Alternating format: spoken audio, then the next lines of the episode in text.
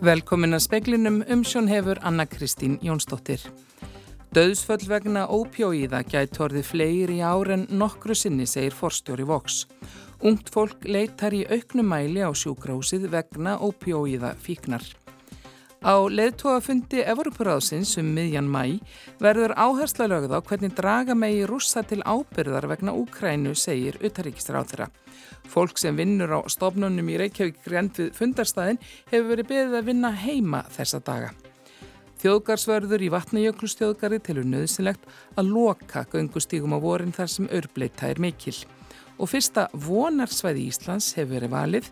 Vonarsvæði eru hafsvæði sem þykja einstök á heimsvísi og eru mikilvæg fyrir lífkerfi hafsins.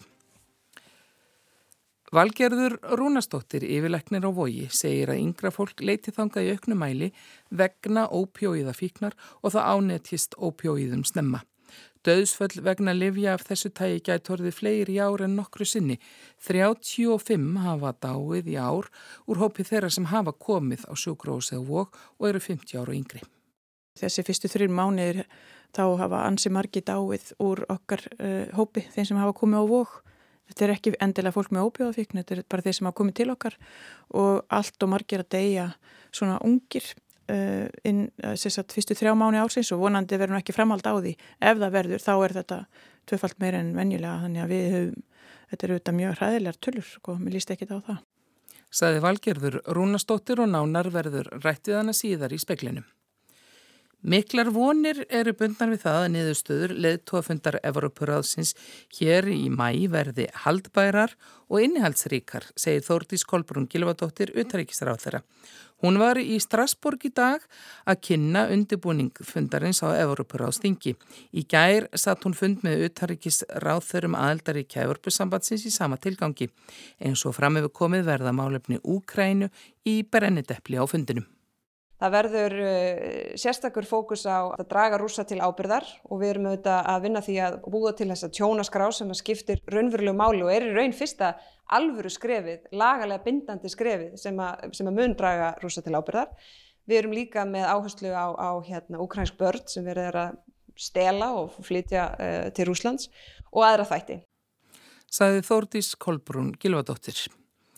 Öryggiskesla og lokanir eigi eftir að hafa talsverð áhrif á umferði Reykjavík í kringum leðtóafundunum miðja mæ, segi Karl Steinar Valsson yfir lögurglu þjótt hjá Ríkislauglustjóra.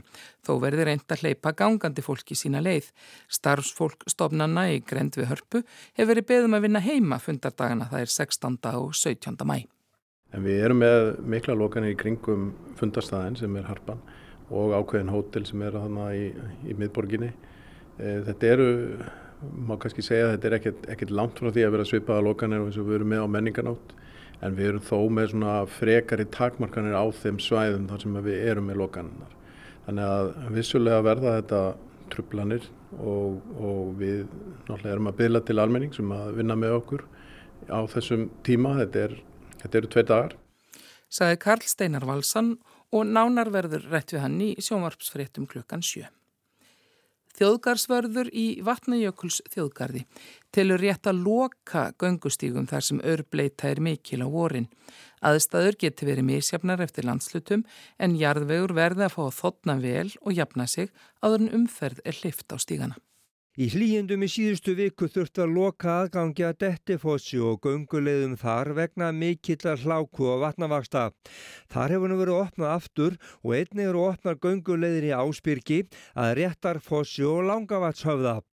Allt eru þetta gönguleiðir í Jökulsárgljúrum þar sem Guðrún Jónsdóttir er þjóðgasvörður.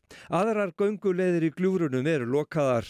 Það eru viðkvæmar að svo stöttu að því að það er frost og þýða til skiptis og, og þá er hægt á mikill í örbliti og þá er einni hægt á því að, að fólk fara að ganga utan stíga sem setur gróðurinn okkar í hættu.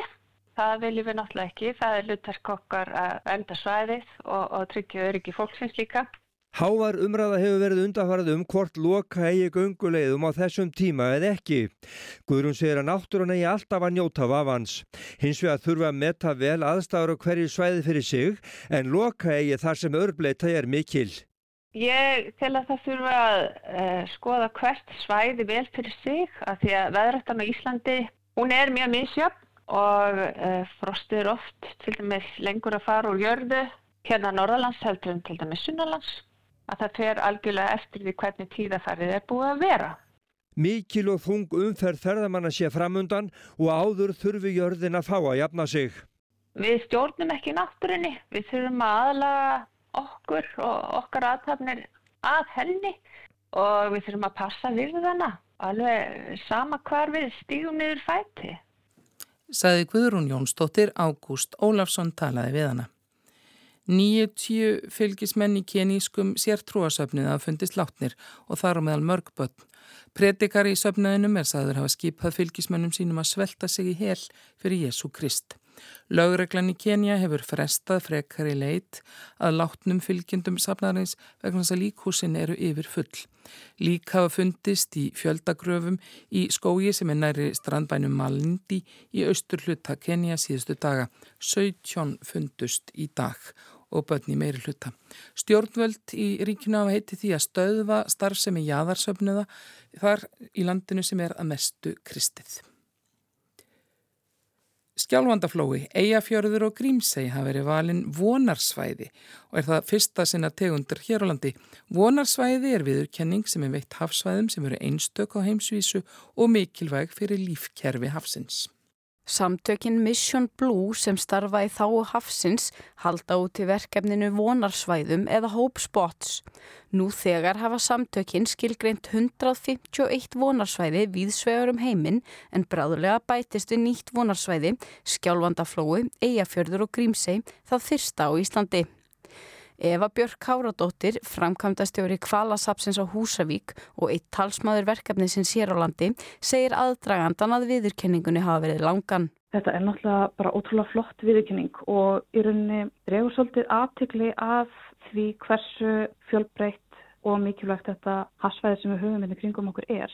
Það sem þetta með þýða í framtíðinni er að Það mun verða auðvildra fyrir okkur til dæmis stundar rannsóknir sem að tengjast vistkerfum á þessu svæði og það mun alveg öruglega verða auðvildra að fjármagna þessar rannsóknir.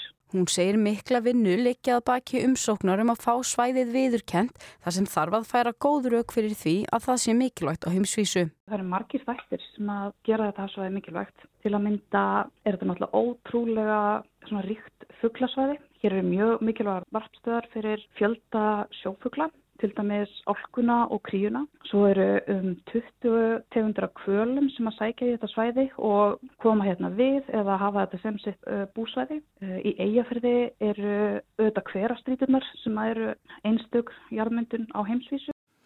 Saði Eva Björk Gáradóttir, Amanda Guðrún Bjarnadóttir talaði við hana.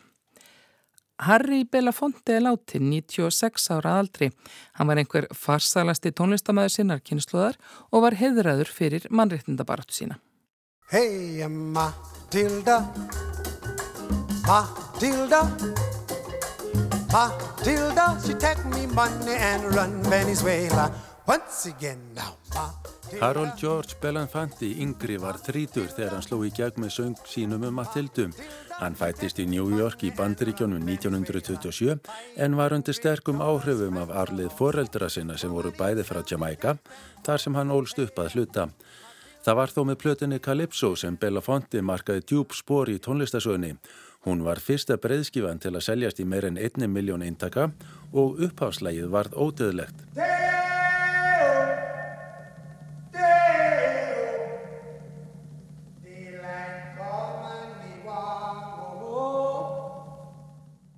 Gamla þjóðlagið um störf hafnarverkamann að stapla bananum um borði í skip á næturvaktinni sló í gegn í útsetningu Belafontes.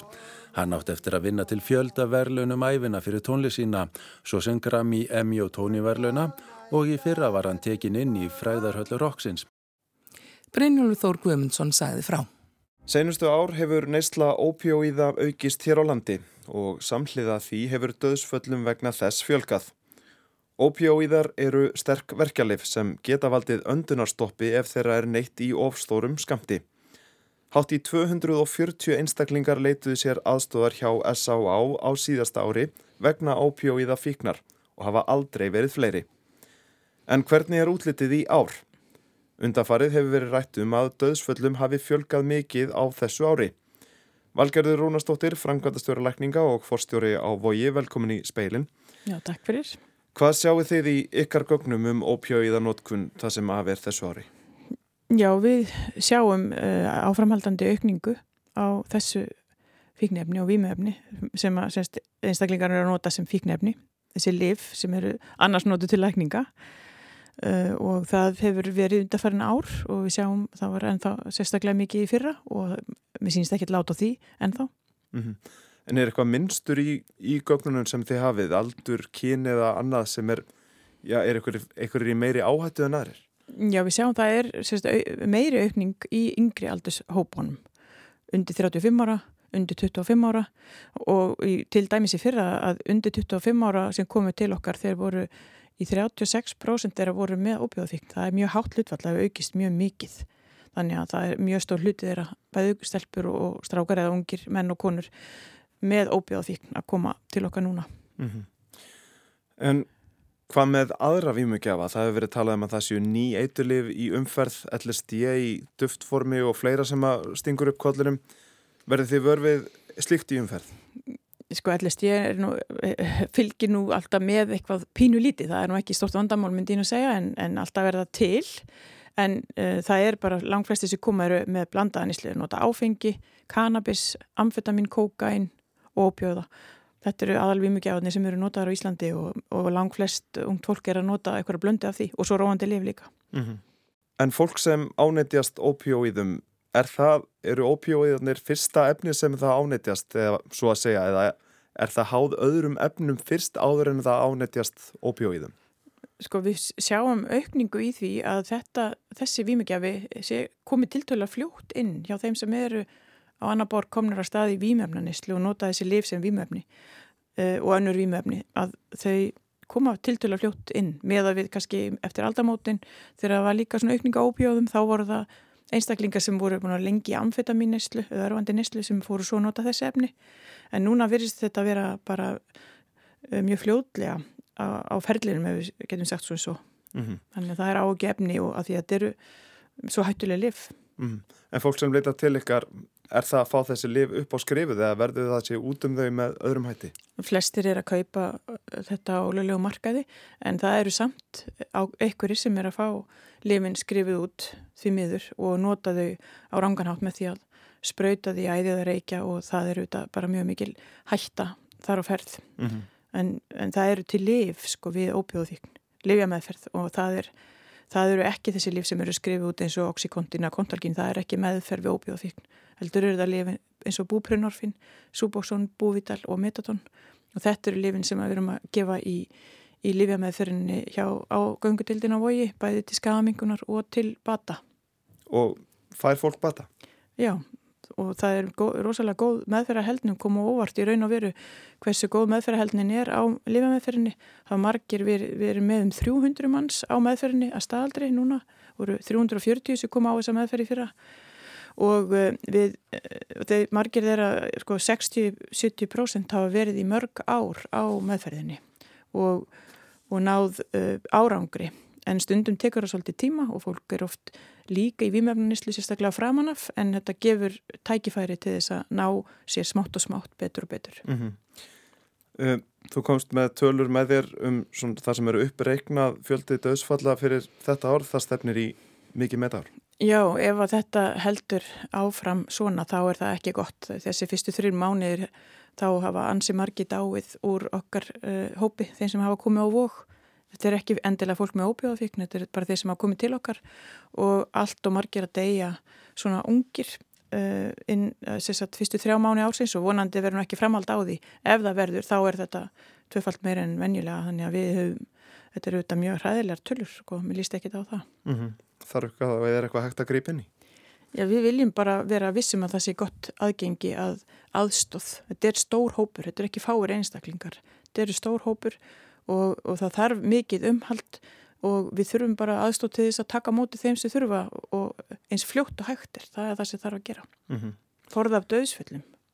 Einmitt. Við komumst ekki lengra senni. Valgerður Rónarsdóttir, frangvátti stjórnleikninga og fórstjóra Voi. Takk hjá það fyrir komuna í speilin. Takk fyrir mig.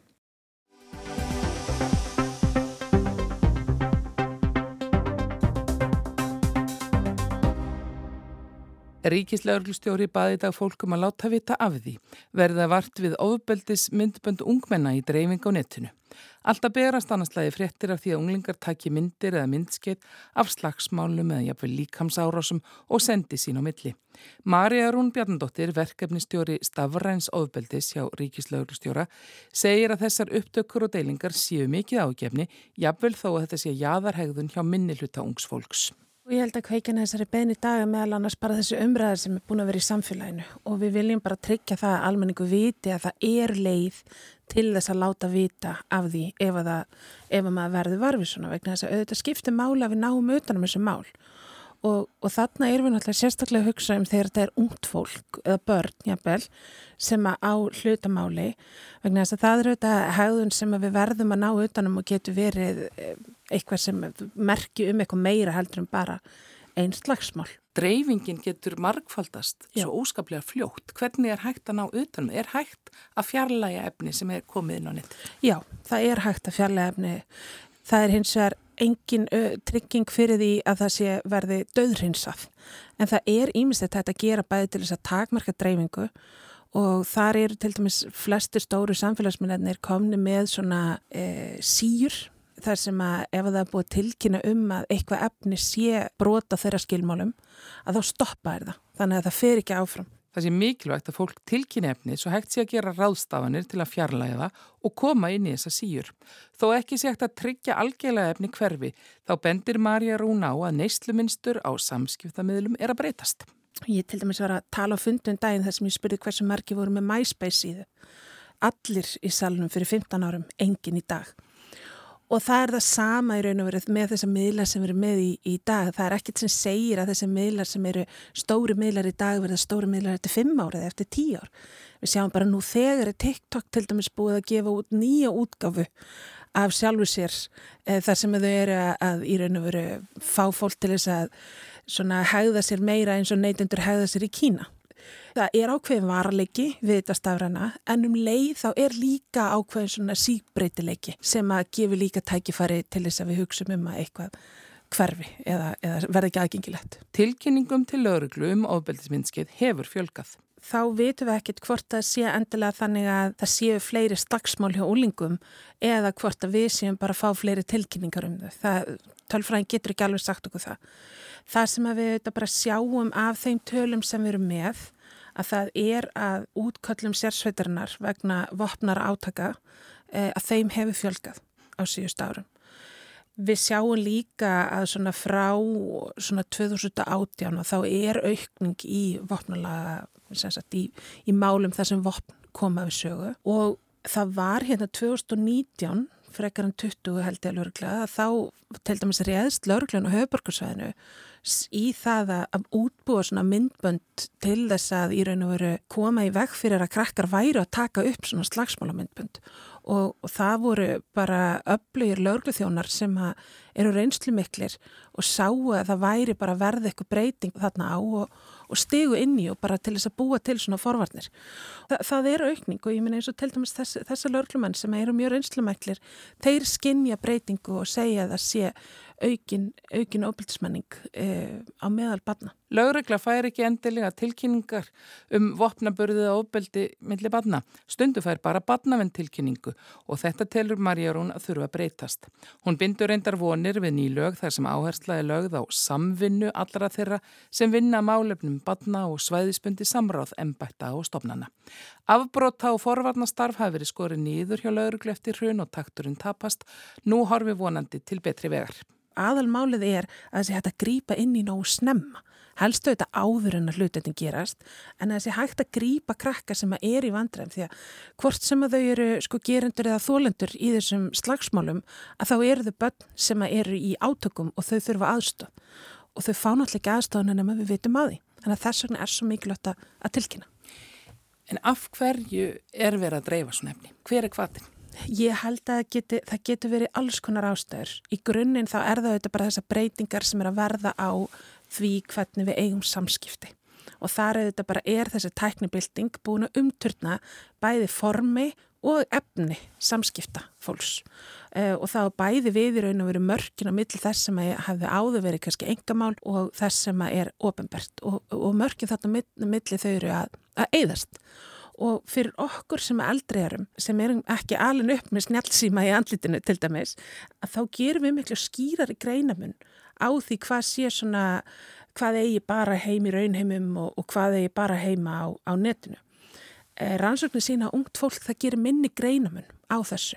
Og þess vegna tekur það líka oft alvarlegar því sem er sagt eða gert á netinu heldur um fullarnir sem segja já, þú veist það er kannski fullari fólk sem að og ég veit ekki hvernig Facebooki þitt lítur út en ég hef alveg séð hérna fullari fólk segja alveg fáránlega hluti, præðilega hluti jafnvel, á samfélagsmiðlu og svo segja þau bara nei ég er bara að djóka.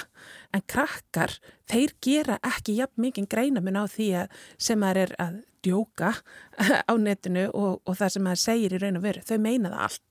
Í miklu meira mæli, þau eru þetta ekki alveg, alveg undantekningalöst þannig að það eru svona menningalegir bara þættir hinnlega og samfélagslegir sem að hafa áhrif. En svo erum við líka að sjá bæði er þetta kannski bara uh, þau eru bara orðin vönði að sko pics or it didn't happen, þú veist. Taktu mynd, annars er þetta ekki minn eina staðfyrstingu á því að eitthvað hafi gerst í þeirra huga verður oft bara mjög eðlilegt að taka vídeo af einhverju sem að eldrafólki myndi bara finna skali að taka vídeo af. Og svo getur þetta verið líka bara þáttur í einhvers konar félagslegri virðiskeðju, þú veist að þú ert að reyna að aflaði vinsalda með því að dreifa einhverju sem að fær mikla dreifingu og þá þetta er hatusfullt og ofbeldisfullt efni, það er það sem eh, algoritmarnir pikka mest upp þetta er gott efni ef þú vilt vera væral svo að segja, að dreifast við það og verða smáfræður á internetinu, ég bli smástund og svo er þetta líka bara við í reynu öru tæki til þess að niðurlæja og þá eru þess að þá eru jafnvel dreifingar, svona targetera dreifingar sem eru þá miða því að sjá sína, þú veist, sjáuði hvað ég let hann gera eða sjáuði hvernig ég ber hanna og, og í raun og öru svona áframhald á ofbeldinu. Þannig að þetta eru marga byrtingamindir og rætunar eru rosalega fjölbreyttar. Það er mikilvægt að muna að þetta er jáðarhópur, segir maður hún. Meira hlutun á krökkum er bara að gera góða hluti og bara eiga fallið samskipti og, og er kannski hér, kapsum inn á, á íþróttavellinu með eitthvað svoleiðis en, en meira hlutun á krökkum er bara í fínum málum og ég held að það sé rosa mikilvægt að við höldum því til haga að þetta er jáðarhægðun og þetta er ekki megin þungin. Við höfum alltaf áhugir af jáðrinu það eru þetta þau sem við þurfum að passa best. Þannig að þau sem eru inn á meginsviðinu, stóri massin, þurfum við kannski minni áhyggjur að hafa í, í þessu samengi. Þetta eru ekkert nöttur rosalega margir en oft er þetta kannski krakkar sem eru ítrekkað að taka þátt í svona hegðun til dæmis. Og það eru þetta bara greiðlegt ágefn og mikilvægt að stíga inn í það sko. Við sjáum þetta líka börn sem verða vittna ábeldi uh, heima hjá sér til dæmis eða í, í raunumkörfi. Það eru alltaf herri líkur á að þau eh, taki þátt í ábeldi setna bara það skiptir svo miklu máli að verja börn fyrir ofbeldi. Það er bæði betra fyrir þau og betra fyrir samfélagið. Ofbeldistíðni sveiblast en heilt yfir er hún að aukast. Og það eru þetta ákveðin normalisering á ofbeldi í daglegu lífi og við sem neytendur neytum ofbeldis. Við horfum á ofbeldisfullar íþróttir, við hlustum á podcast um morð, við erum að horfa á norrannu glæpaþættina og erum stolt af þeim og, og ég vil alls ekki vera að tala niður sko, e, það frábæra listafólk og, og allan þann yðnað sem er í kringu það en, en það eru þetta samt kannski eitthvað sem við þurfum að velta fyrir okkur. Við erum búin að normalisera ofbeldi í gegnum menningu í mjög langan tíma sagði Marja Rún Bjarnandóttir.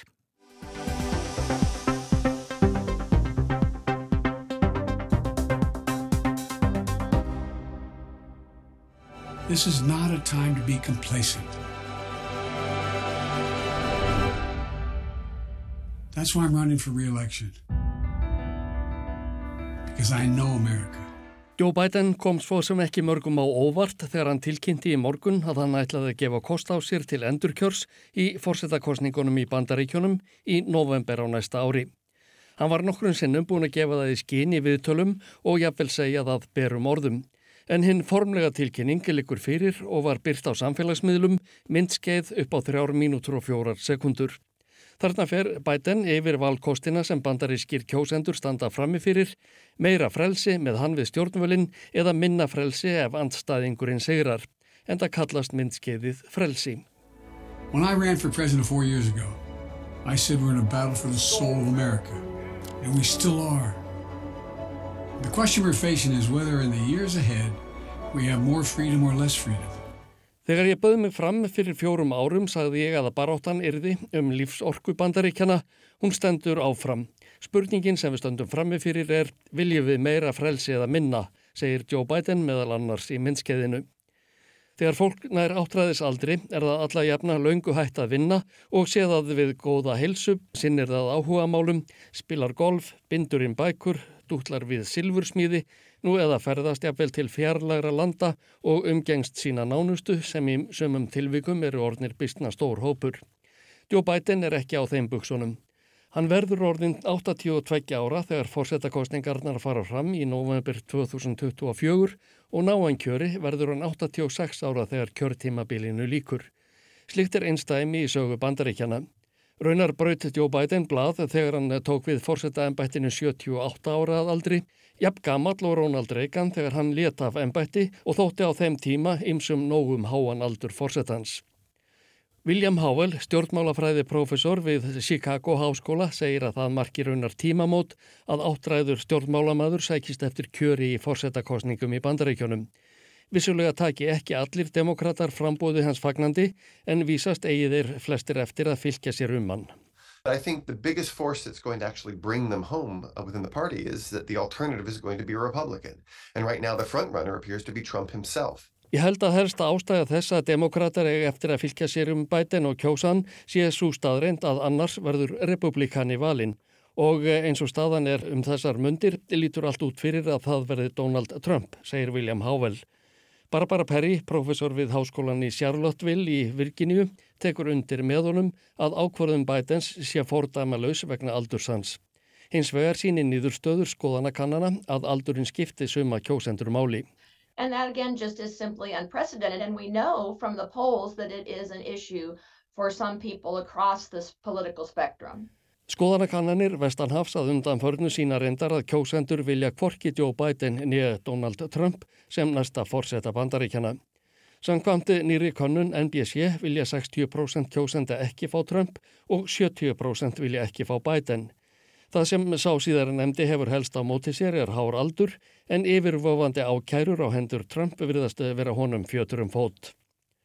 Stjórnmálaskýrendur hafa bent á að í myndskeiði Bidens minnist hann ekkert á hverju hann vilji fá á orkað verði hann endur kjörinn, að því frátöldu að ætla sér að verja þjóðina fyrir öfgamönnum og tryggja frelsi og líðræði.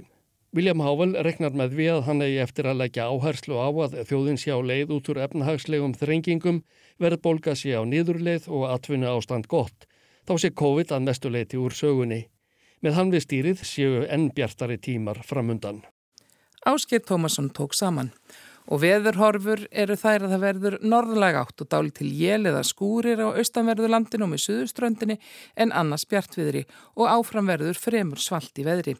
Það var helst í speklunum að forstjóri Vox óttast að döðsföll vegna ópjóiða getur fleiri í ár en nokkru sinni. Ungt fólk leiti í auknum mæli á sjúkrahúsið vegna ópjóiða fíknar. Á leðtóafundi Evropuraðsins í Reykjavík 16. og 17. mæ verður áhersla lögð á hvernig draga megi rússa til ábyrðar vegna Úkrænu, segir utaríkisráð þeirra. Fólk sem vinnur á stopnunum í grend við fundarstaðin hörpu hefur verið beðið að vinna heima þessa daga.